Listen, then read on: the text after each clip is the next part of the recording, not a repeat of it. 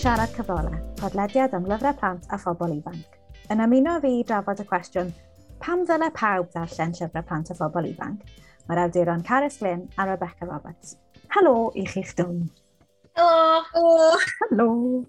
Nawr te, cyn i ni fynd at y cwestiwn mawr, na i ddechrau gyda y cwestiwn Pam ydych chi'n mwynhau darllen llyfrau plant a phobl ifanc? Dwi'n mwynhau darllen um, llyfrau blant achos mae'n rhywbeth dwi'n gwneud efo fy mhlant. Um, bob nos maen nhw'n cael amser stori. Mm. Ac ar hyn o bryd dwi'n darllen um, Sara Mai a Lleidr y Neidr efo fy merch. Mm, um, Ydy, ydy. Nath i rili really fwynhau'r gyntaf a mae wedi gofyn, uh, gofyn i fi cysylltu efo Cat yn barod i ofyn am drydydd. O, oh, ffantastig. a dwi ddim yn siŵr os mae Cassie yn mynd i rand, ond dwi'n gobeithio mi fydd hwnna.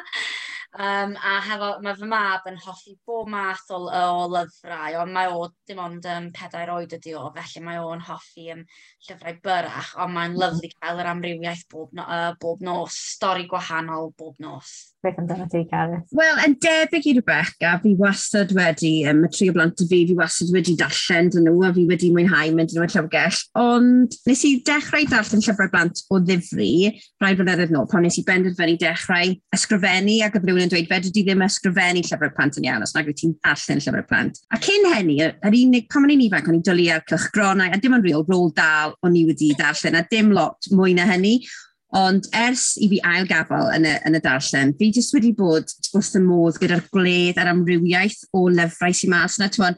A fi'n ffeindio'r llyfrau oedolion yn rili really gwaith caled i darllen. Mae pobl yn gofyn fi, twan, beth ti'n darllen a fi'n rhoi enw llyfr i blant. O ie, ond beth, beth yw llyfr oedolion ti'n darllen? Na, na, sa'n darllen mm. llyfrau oedolion. Fi'n darllen, trio darllen un llyfr plant, tywod, eitha swmpus yn mis. A jyst y ffordd, tywod, a fi'n athrawes hefyd, mm. y ffordd mae ma stori yn gallu trin a thrafod themau emosiynau mor anferthol trwy byd plentyn. Mae awduron plant, maen nhw mor glyfar, mae, fi jyst yn meddwl mae'n mae grefft a twod, arbennig iawn. A mae'r ma amrywiaeth math na hyn o bryd, rydw i wrth y modd, fedra i ddim cadw lan gyda ffaint o lyfrau fi moyn darllen. Mae gen i wedi trio fel cael bullet journal, ac yn y cefn, fi wedi tynnu llun fel cas llyfrau, so fi'n trio, fi'n cofnodi nhw yn y cefn, a oedden ni'n teimlo'n really smug ar ddiwedd flwyddyn diwethaf, ac yn edrych ar y rai o'n i wedi darllen, oedd yn ffordd really nice o cadw cofnod wedyn, o rai o'n i wedi wneud, so, hmm. yeah.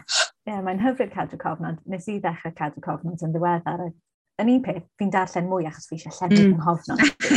yeah. Ond hefyd fi'n cofio beth o'n i'n neud ar y pryd, a falle pwy roddodd y llyfr yna fi'n neud, o, nes i ddarllen hwnna gyda fy fyrnau, a pethau yeah. fel yna sy'n hyfryd well, cysylltiad yna. Dwi, wedi bod yn gweithio yn rhinwedd fy ngwaith efo mudiad meithrin a'r brosiect penhwysiant cylch i bawb. A hmm. rhan o hynny oedd da, um, datblygu pecyn o lyfrau oedd yn dathlu amrywiaeth Cymru fodern. Hmm. Felly mae fi a criw o ryw 4 neu 5 ohono ni wedi bod yn darllen llyfrau plant canoedd ohonyn nhw a cofnodi nhw mewn ffordd eitha ffurfiol ar deunlen Excel a nodi hyd yn oed fel prif ISBN a'r prif oh. felly mae ychydig yn ffurfiol ond pan uh, yn gynharach o'n i'n cyfieithu deunlen i Saesneg a oedd o'n syndod wrth gyfieithu fel yn crynodau fel llyfrau faint oeddwn ni wedi darllen. Mm. Just, mm. dros, just ers diwedd y flwyddyn dwytho, ni wedi darllen rhywun 40-50 o lyfrau uh, i blant tair a phedair oed.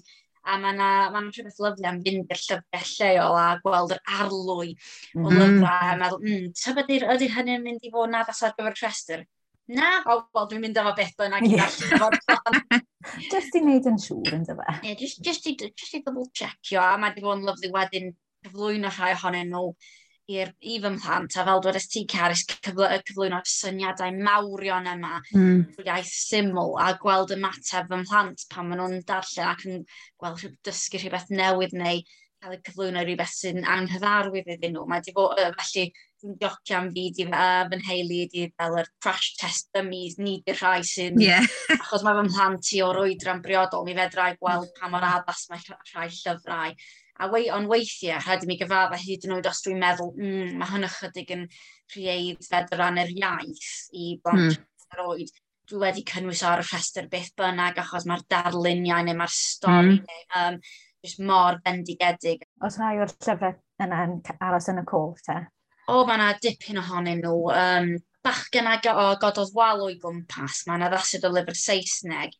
A oedd y mab yn hoffi'r lluniau, ond i fi, oedd o'n syndod i fi faint o ergyd o'i i fi, oedd o'n eglur o trauma a sut mae, dwi wedi mm. gweithio fo plant fi, es i'n athrawes am rai blynyddoedd. A oedd o jyst yn eglur yn yr iaith mwyaf syml am fod plant weithiau yn ymateb sut maen nhw i brofiadau anodd.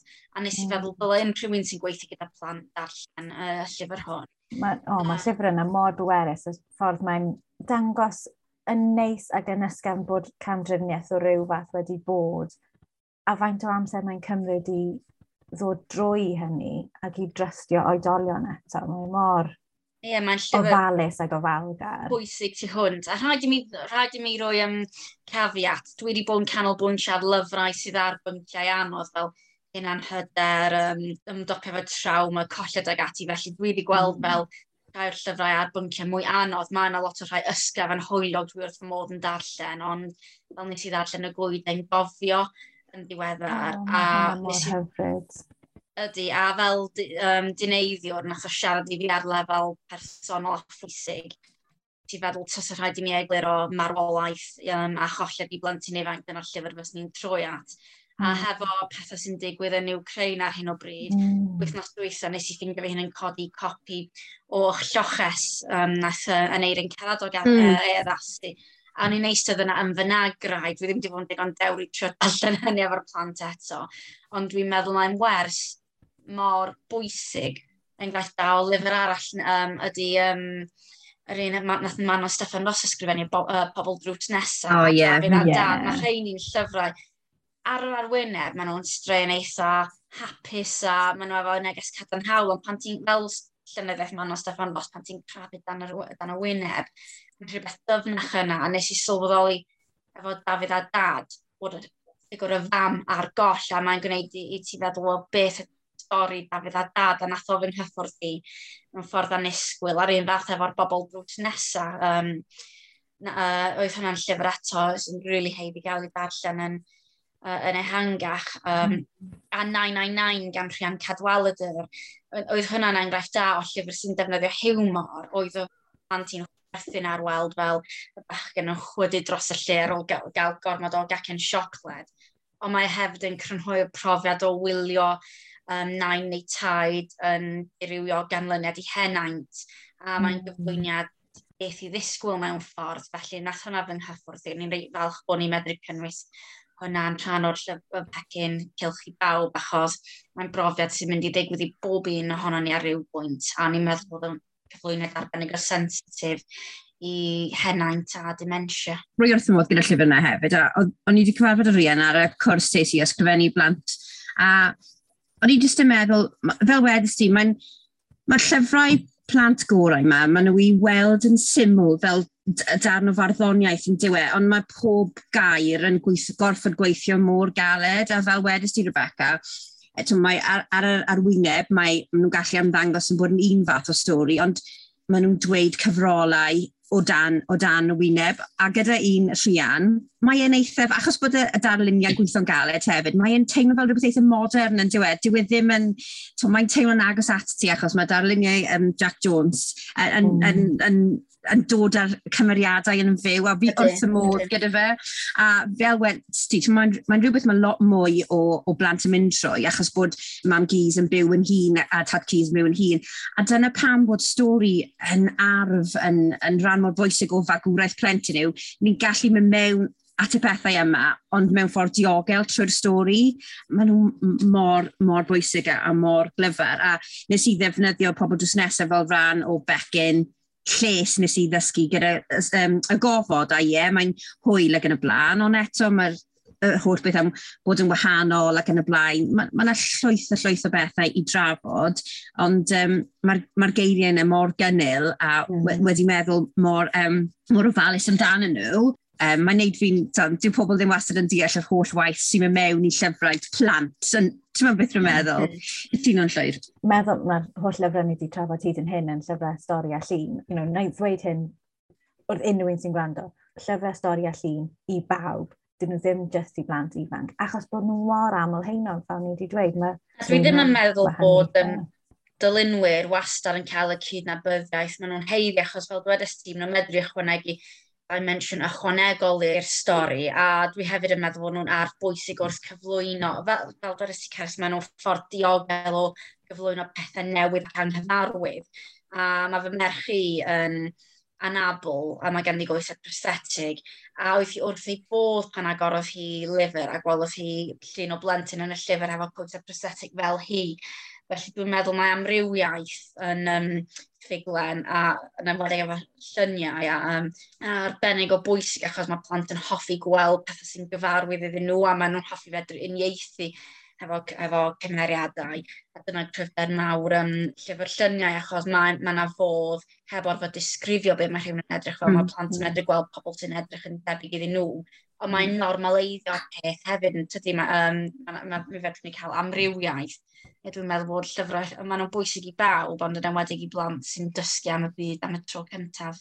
Yn sicr. Mm. Ond swn i'n dweud ddim jyst am y tro cyntaf, ond mae delivered i Rebecca Helent, i blant llawer hun, yn gwneud job ffantastig yn gwneud yr union beth hynny. Mae'r cefnder i'r stori yna yn anhygoel a mae'r prif gymeriad nhw un rhan ohoni hi. Dyw e ddim am y ffaith bod coes prosthetic gyda hi. Mae jyst yn digwydd bod yn rhan o'i chymeriad hi. A fi'n credu bod hwnna yn refreshing iawn pan ddarllenas i fe, yn o, oh, dyma fy hoff lyfr Cymraeg i ers amser hir.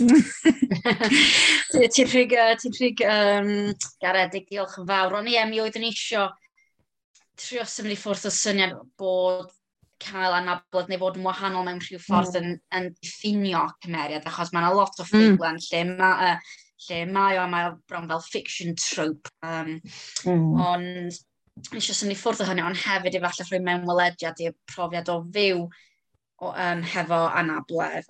Fel efallai bysa, bysa helpu darllenwyr ifanc a hun. Mm. O nesau, maen nhw'n gweld sy'n sy'n wahanol iddyn nhw i deimlo empathy neu mm hyn oed deall, achos maen nhw wedi darllen profiad o Rachel fel cymeriad, efallai bys nhw'n fod yn fwy waith cyn syllu um, neu gofyn, what's wrong with you then? Achos mae mm. ma plant yn medru fod yn agored iawn efo'i cwestiynau. Ie, yeah, ond dwi'n meddwl, mae'r ma, ma llyfrau yn ffordd o bwysig iawn o helpu bobl ar deimlo empathy.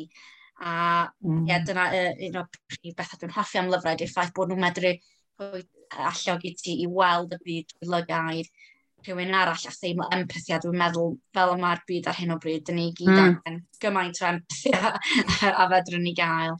Rwy'n hoffi'r syntwr, mae'n dod o ochr o Gymru, mae'n diddorol cael llais o'r gogledd ddwyrain yn diwedd. E? Yeah. Mae'n achos fi lawr fan yn y de ddwyrain, a mae ngwri yn dod o ddimbych, so twain yr un fath o ochrau, ond o'n i wrth y modd yn clywed lleisiau awduron gwahanol mm. yn dod i'r... Mae hwn yn bwysig iawn i fi, achos am y llwaith, ti yn gallu teimlo dipyn bach ar yr ymylon, a fi'n dwlu ar acen y gogledd ddeuren fi wrth y modd gyda acen di Rebecca. Yeah. Mae'n mae really bwysig i blant o'r ysgolion ar ardaloedd arall i, i weld eu cnefin nhw mewn llyfrau hefyd, rwy'n teimlo. Um, so, ie, yeah, o'n i'n just eisiau, eisiau dweud hwnna, fi'n credu bod, hmm. bod yr ymrywiaeth yma o ran yn ddeiryddol yn bwysig hefyd. Um, Dwi'n dwi dwi, cytuno hefyd achos yn tyfu fyny, dwi ddim yn cofio darllen fawr dim o lyfrau oedd wedi lleoli yn y gogledd ddwyrain. Mm. Tafodiaeth yn anghyfarwydd, ac os ti fel, fel, un, fel o'n i'n dod o gefndir di-Gymraeg, aelwyd di-Gymraeg, dydy dy ddealltwriaeth a dy hyder wrth ddarllen ddim wastad mor gry a hynny. A roedd lot o lyfrau yn dafod ieithol, yn enwedig tafodiaeth y dde, jyst yn, um, mm. yn drech am mi, do'n i ddim yn medru deall nhw yn digon i fwynhau nhw.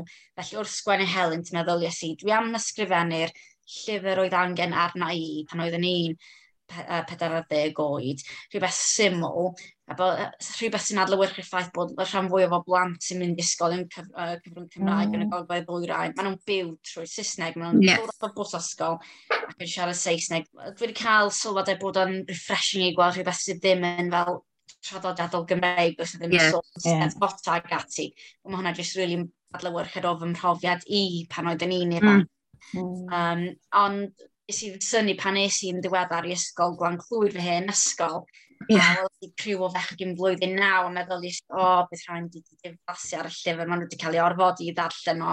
Ni'n disgwyl tumbleweeds yn y dosbarth, ond um, na, oedd gen, gen nhw gwestiynau, rhestr o gwestiynau um, hir iawn, oedden nhw eisiau gwybod be digwyddodd i'r cymeriadau, oedden nhw eisiau gwybod ble oedd y nofel wedi lleoli faint oedd wedi cael ei ysbrydoli gan fy mhrofiad i a dwi'n meddwl oedd yn siarad efo nhw achos mi ddyn nhw'n nabod yr ardal, mi yeah. statyn a rhyl yn y dosbarth. A mi ddyn nhw'n teimlo fod yn perthyn iddyn nhw rhywsit, achos yeah. oedd o'r oedd mae reit yn dod o'r un ardal deiryddol ac actually mynd i mwy neu lai un ysgol. er rhaid mi ddweud bod ysgol Elwyn Figlen llwyr. Uh, a wedi lleoli yn yr un lle ag ysgol blant llwyr felly. um, ond mae wedi bod yn braf yn gweld yr ymateb a bod nhw'n teimlo fod na llyfr sy'n siarad iddyn nhw'n bersonol. A dweud oedd yr athrawes bod nhw fel arfer ddim yn mwynhau darllen llyfrau o gwbl, ond on, on, mi oedden nhw wedi mwynhau darllen helynt. A nes i feddwl, wel, dyna ni oedd yn bendant werth sgwennu helynt. A mm. ers hynny dwi wedi bod yn cychwyn ar rhyw tingra efo'r dilyniant. Ah. Dwi'n barod i fynd eto. Exclusive i ti, Elid. O, oh, wrth y modd yn clywed hynny. Ond ie, yeah, yn sicr, fel, maen nhw'n teimlo fel ti wedi rhoi llais iddyn nhw. Dyna beth mae'n swnio fel, Rebecca, achos mm. os ti'n ti, darllen am rhywun gyda'r un enw a ti, neu yn yr un lle a ti, ti mae mwy o diddordeb gyda ti naturiol yn y ben, does? Mae'n mwy o, ti'n ti teimlo'r perthyn yna fel wedys di. A mae e'n her enfawr yn trio cael, fi'n cofio fy hunain, yn trio cael fi i, i gael diddordeb mewn llyfrau pan o'n i yn fy arddegau, o'n i just a dim diddordeb, felly ti wedi llwyddo fel wedys ti, mm. os ti'n tiod bechgyn blwyddyn naw, ti'n ma'n nhw'n dogyn caled. Mae'n impresif.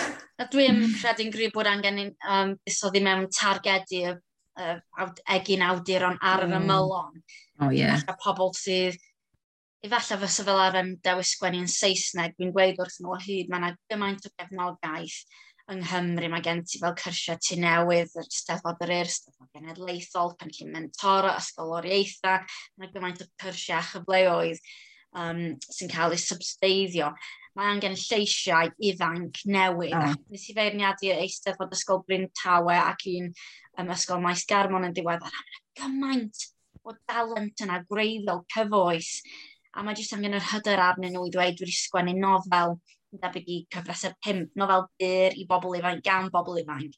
Dwi'n meddwl fysa yna, um, mae yna lot o potensial yna, a mae rhaid i'r gweisg a'r cyngor llyfrau a Llynyddau Cymru tapio mewn i hynny a achos does na ddim digon o bobl yn sgwennu i bobl ifanc. Mae yna lot yn sgwennu i blant, ond ddim gymaint hynny i bobl ifanc. A mae'n anodd achos dim ond llon silff o lyfrau i'r arddegau sydd yn felly'r lleoli. Mm. A hmm. mae rhan fwy o'r rheini yn addasiadau o'r Saesneg a mae hynny'n gwneud fi'n drist achos mae'r talent yna yn bendant.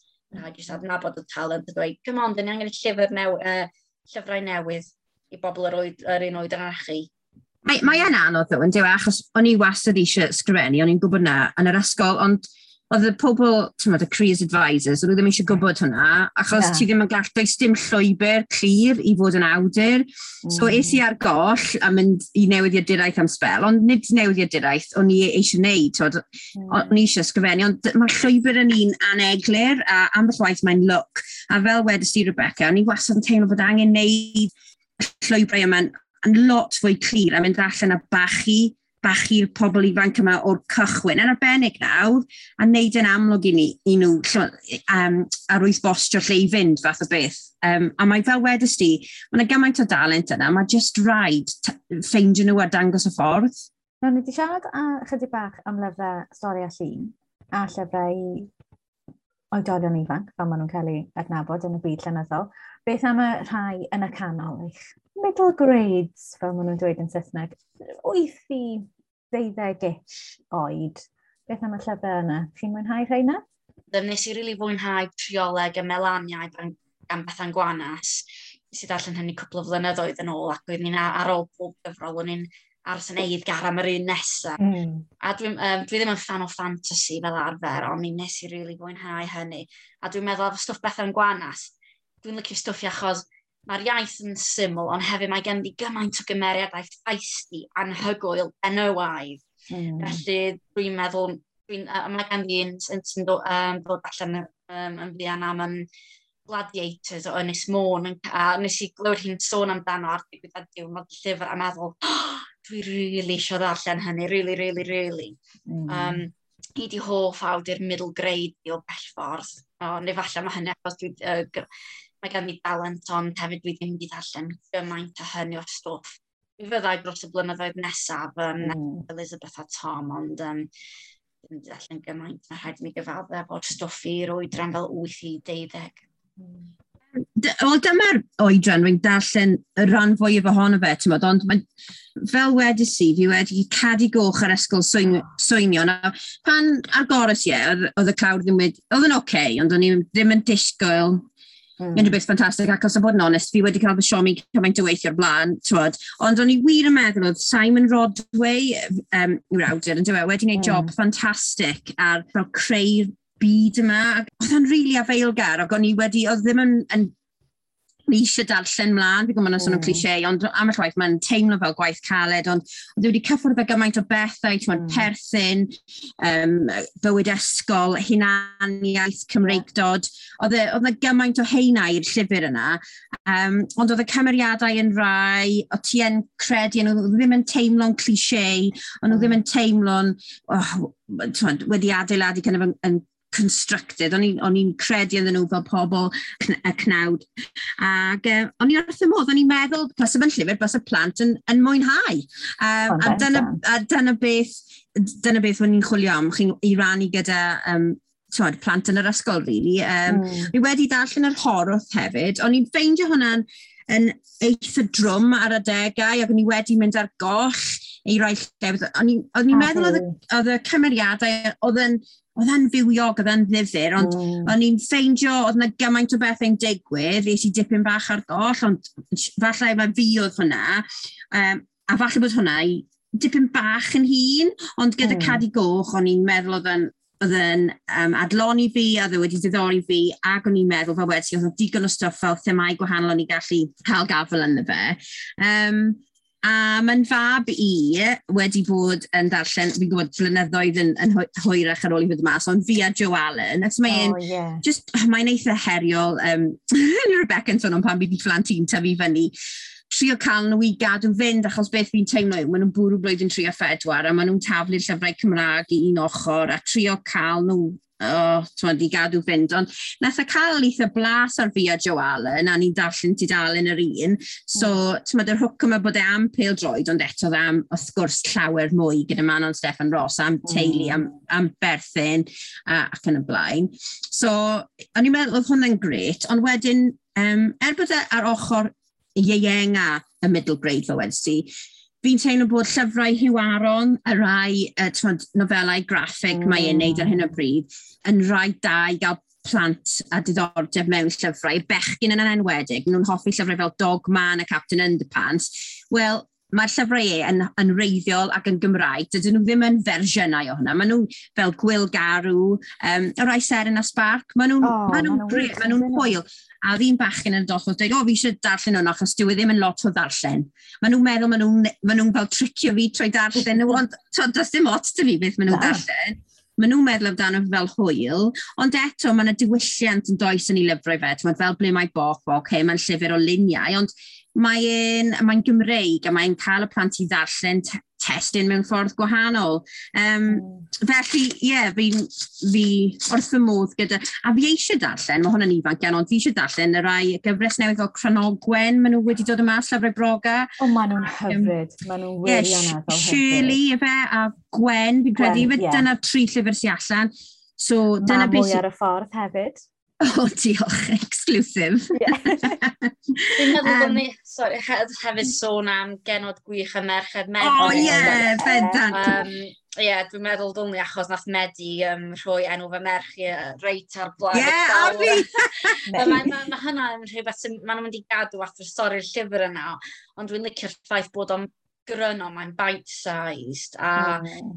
yeah, mae'n cyflwyno pobl dwi ddim yn nabod llawer amdano nhw, brofiad i fi ysgu am yr holl merched mentrus a genod gwych yng Nghymru. Mm. Felly, ie, yeah, dyn ni'n lwcus. Dwi'n meddwl bod yna lot o ffeithiol middle grade da yn dod allan ar, um, ar hyn o bryd. A dwi'n newydd canfod ble mae boc. Nes i brynu foi Tom y tro dwython ni fynd i siop clywed. A oriau o hwyl. Ie, yeah, oriau. Ie, yeah, mae... Bargen am 4.99, yeah. achos nes i'n brysur am gwbl gwblorau. so dwi'n edrych ymlaen am mynd yn ôl at rhywun chwedlau ag ati rwan. O, oh, maen nhw'n dda. Mae'n un genod gwych na, ar y post-it note gen i fi fan hyn, achos nid, ti'n mae mae'r ffordd mae, mae Medi wedi sgwennu yn ffantastig, ond fi'n credu mae, mae telor ti wedi wneud y lluniau, mae'r lluniau yn gweddi hefyd, maen nhw wedi creu rhyw fath o brand yn dydyn nhw sydd yn ffres, sydd yn newydd, a sydd yn sôn am gymeriadau, oedd yn sôn am un volcanau sy'n dod o ardal y Fenni, a o'n i fel y bechyn yn ynryl, achos oedd o'r Fenni, o'n i fel, o, oh, waw, mae'n stwff cyfoes a newydd, a mae'n mae, mae chi mewn, ie, yeah, bendant, um, gen, genod gwych. Mae'r ddwy ohonych chi yn awduron, Caris mae dy lyfr di Rhyw'r Coed a'r Gwenyn Coll.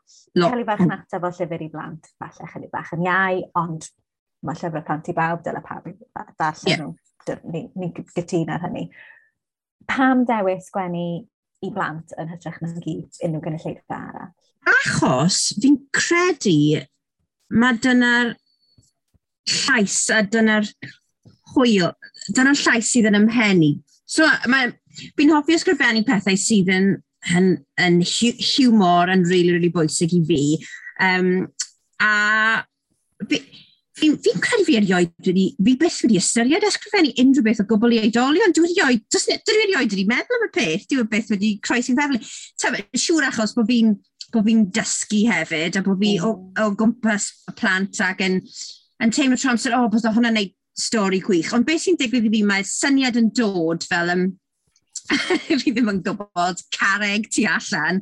A fi'n meddwl, o, oh, mae plant yn dwlu ar gerig beth os, a wedyn mae'n dechrau mynd, a dyna sut mae'n feddwl i, mae'n eitha fel meddwl trwy lygaid plentyn. Mm. Um, a fel fi'n credu dyna pam, oedd rôl dal mor wych, achos doedd e ddim yn fel edrych lawr pan mae'n ysgrifennu blant. Um, mae e'n siarad at blant ar ei lefel mm. nhw, a dyna, tywed, dyna beth o'n i'n dwlu ac yn fy ffordd bach bach i yn trio efelychu fel peidio bod yn nawddoglyd um, a meddwl a soundio e fel. Yn arbennig gyda crw'r coed, achos ti'n eisiau sôn e fel ti'n pregethu a, a, gyda neges um, am yr amgylchedd. Ti eisiau fel, okay, so o'n i eisiau gwneud beth ydy plant gallu gwneud, achos maen nhw'n clywed am yr Arctic, mae hwn yn bell, bell i ffwrdd, a maen nhw'n hmm. clywed am y byd yma o gwmpas nhw yn yn mynd i ddarnau, ond beth yw'r peth bach maen nhw actually gallu wneud? O'n i eisiau rhoi pwer iddyn nhw, wel maen nhw yn gallu mynd allan i'r ardd a, a plannu blod o'i gwyllt, a maen nhw yn gallu helpu'r gwenyn. Mm. So oedd e,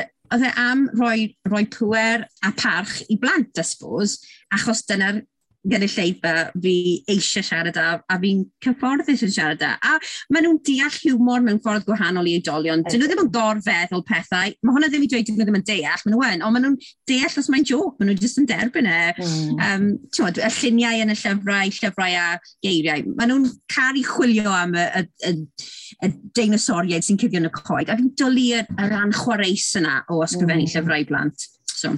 Mm. Ond mae'n mae bwynt pwysig iawn am beth yn dweud am beidio bod yn addolfyd o'r sgwennu, achos fel darllenydd, yn enwedig oedolyn o ddarllenydd, chi'n gallu gweld, o, oh, mae'r awdur yma'n parchu plant, does dim byd na ddolfyd fan hyn. A'r gwrthwyn yn gwybod, o, oh, gosh, dyn nhw ddim wedi'n deall plant, ydyn nhw, pam, mm. pam bod nhw wedi penderfynu sgwennu hwn. Ond, yeah. Mae'n eitha ddiddorol o ran trio ffeindio'r pitch gyda'r iaith, achos ti ddim eisiau defnyddio geiriau dydyn nhw ddim yn deall. A rwy'n ymwybodol iawn, ti'n mae lot o'r plant rwy'n dysg sydd o gwmpas yma, mae'r geiriau a darllen yn, yn weddol newid iddyn nhw. So rwy eisiau gwneud mm. bod nhw'n gallu, bod nhw'n gallu darllen e, ond hefyd dydw i ddim eisiau wneud yn rhy hawdd, wneud yn rhy syml iddyn nhw. So mae trio ffeino'r pitch yna o ran ba iaith a pa mm. eiriau i gynnwys yn dipyn o her. Oedd un o'r heriau mwyaf i fi. Fi eisiau nhw gallu darllen e, ond fi eisiau defnyddio geiriau cyfoethog Cymraeg. Mm. Um, a mae ma ffeindio'r um, y cydbwysydd yna yn gallu bod yn heriol i'r oedran kind of blwyddyn 2, blwyddyn 3. Na ti wedi sgwennu i oedolion ifanc ac oedolion, pan ti'n sgwennu, wyt ti yn gwybod pwy yw'r gynulleidfa di, neu ydy'r cynnwys y stori yn penderfynu pwy yw'r gynulleidfa? Fel arfer dwi'n cychwyn hefo cymeriad, efo cymeriad A hefo Rachel, mi oedd yn gwybod bod ei oedran hi yn mynd i wneud am stori oedolion ifanc. Mm. A mae'n o'r cymeriadau jyst yn neidio i fy mhenni a dwi'n nabod nhw'n syth. A mae wedyn mae'n rili really anodd newid um, pwy ydyn nhw. Sy'n mynd i'n mm. gwneud fi swnio'n odd braidd, ond mae ma, fel... ma, um, efo Alice, fysa hi di medru fo, dwi'n meddwl fysa ni di medru sgwennu hynna ar gyfer oedolion ifanc yn hytrach na oedolion ond daeth i allan fel stori i oedolion yn y pen draw. Um, a weithio, os ti'n gweithio efo bobl ifanc, uh, os mae prif gymeriad yn yr oedran, maen nhw fel arddegau hwyr i geiniau cynnar, mae'n medru bod yn anodd achos mi fysyn ni'n medru sgrifennu stori un ffordd i, mm. i bobl ifanc neu mynd y ffordd arall i oedolion a fod ychydig yn fwy yn graffic a Um, a mae'n ma, anodd achos, mae'n ffin anodd iawn i drwydio achos dwi ddim really trafod yn sgwennu rhywbeth sydd i oedolion a fod yn cael ei brandio fel rhywbeth i oedolion ifanc a efallai mae pethau graffig fel y nofel Saesneg um, uh, Eat, Sleep, Rage, Repeat er enghraifft. Dwi'n glir iawn i, i oedolion mae hynny. Mm. Ond mae rhai siopau lyfrau a llyfrgelloedd yn rhoi yn yr adran bobl ifanc efallai oherwydd eu clawr a dwi ddim yn gyfforddus am yn dros y gyfforddus am hynny, mae yna ffin o ran be rwyt ti'n hmm. cynnwys a be ti ddim yn cynnwys o ran themau, achos pan dwi'n sgwennu bobl ifanc yn lot fwy ymwybodol fod yna neges a bod be dwi'n sgwennu o bosib yn mynd i ddylanwadu ar bobl ifanc sy'n dysgu mwy am sut mae'r byd yn gweithio a dwi ddim eisiau, um, er enghraifft, um, dwi'n cofio darllen llyfr pan oedd ni'n ifanc oedd bron yn normaleiddio traes nebyn merched a nes i ail darllen o'n oedolyn a meddwl, wow, dwi'n rili really anghyfforddus i feddwl pan oedd ni'n rhyw 15 oed, nes i darllen y llyfr yma yn meddwl fod yn rhywbeth derbyniol i, me, i ferch gorfod mm. derbyn oedd gael ei threisio. Felly, ie, dwi, pan dwi'n sgwennu bobl ifanc, dwi'n teimlo'r cyfrifoldeb yn fwy nag ydw pan dwi'n sgwennu i oedolion, achos mi ti'n cymryd yn fwy bod oedolion hefo'r gallu resymu a gweld ydy'r cymeriadau ddim i fod yn rôl model sydd allan. Dangos y byd fel y mae, ond gwneud mewn ffordd sensitif sy'n mynd i warchod plant a phobl ifanc sydd efallai wedi cael profiad mm. gyda anodd yn debyg i'r llyfrau, dwi ddim isio peri niwed, neu, um, niwed yn amforiadol iddyn nhw. Mm. Achos dydyn nhw ddim wedi dysgu falle sut i reoli ymateb i pethau ffuglenol hmm. eto. Mae hwnna mor ddifur, achos tywed, yn amlwg ti'n ysgrifennu ar pen arall y pegwn i fi, ond tywed, pethau o'n i ddim wedi ystyried y, y llinell yma rhwng oedolion ac oedolion ifanc a'r er sens y cyfrifoldeb yna. Ie, yeah, mae'n gwneud sens yn, yn llwyr ac mor, mor, mor ddifur i clywed awdur arall yn siarad. Twad, uh, twad rhywun sy'n ysgrifennu yn yr un kind of, i blant a phobl ifanc. O, oh, ie, yeah, waw. Fab. Wel te, ar ôl y drafodaeth yna, oes gyda ni ateb i'r cwestiwn pam ddyle pawb ddarllen llyfrau plant a phobl ifanc? Mae gen i ateb, ond peth Ooh, anodd ydy dewis paun. Yn gyntaf achos am resymau nostalgic, dwi wrth modd pan mae plant yn pigo llyfr a dwi'n mynd, oh, ti ddarllen hwn yn mm. yn ifanc, mae'n rhywbeth neis am ail yn weld a Sally Mali. Um, ne, dwi'n cofio eistedd i lawr efo llyfrau Sally Mali ar Alor Rodins efo Elizabeth Amy. Oh, e just yeah. rhywbeth hyfryd. Mae'n mynd ati yn ôl i fod yn ifanc. Uh, um, y ffordd mae dydy'r lluniau testyn heb newid y gwbl er fy mod i wedi. Um, hynna'n un rheswm dwi'n meddwl dylai pobl. Achos mae'n cadw ti'n ifanc, mae'n goffa ti o'r holl bethau sy'n bwysig, um, mm. Neu oedd yn bwysig i ti pan oedd ti'n ifanc, a i ddall sut i ddarllen er mwynhad. Achos pan wyt ti'n blentyn, ti ddim yn darllen i ddadansoddi ac i fod yn feirniadol, mi ti jyst yn darllen ac ti'n dyfrau, ti'n licio sbi ar y lluniau. Ac ar ôl, um, ar ôl i mi wneud braf Saesneg ac ysgrifennu treidigol, nes i, achos yn amlwg mae rhaid i ti ddadansoddi popeth, a am blynyddoedd nes i golli gorfod mewn darllen. A dwi'n meddwl fod darllen ffuglen i bobl ifanc a phlant i chwarae rhan fawr yn fy nhais yn ôl i fod yn um, darllenydd sy'n gwneud er mwynhad. Felly mae'n yn bwysig. A hefyd, o safbwynt ieithyddol, dwi'n meddwl mae llyfrau blant, um, mae'r iaith yn fwriadol syml ond yn gyfoethog a dwi'n meddwl os wyt ti'n dysgwr, mae o'n medru fod o fydd mawr. A ni'n chwerthin yn fynd, os dwi ddim yn siŵr os dylai rhywbeth treiglo, fi'n ei trio dychmygu defnyddio'r defnyddio'r gair mewn brawddeg yn mewn chwian gers llyfr i blant. Mm. A achos dwi'n gwybod fydd y iaith yn gywir yn hynny, fel gynharach yn ffeindio hyn yn canu, dyma liwiau'r emfys, lliwiau'r emfys, o oh, mae dyma yn achos yn treiglad. a mae'n ni'n gwneud am llyfrau, mi'n gwneud i um, sbiad llyfrau, a mae'r cyd-destun yn syml, a ond mae, wedyn mae'n gymorth i ti weld sut mae'r iaith yn gweithio, a dwi'n ffeindio fy hun yn sylweddoli pan mae Elizabeth yn darllen ei llyfrau ysgol i fi, dwi'n sylweddoli dwi'n craffu ar yr iaith ac yn edrych yn ofalus ar mae'r iaith yn gweithio na ben, yn arbennig treigladau achos dydy rhain yn dal yn dod yn naturiol i fi o gwbl. Ond ddim lot am rhaina. Um, Wel, mae gennym ni cysill a dwi'n diolchgar iawn, iawn, iawn am i fy ngolygyddion.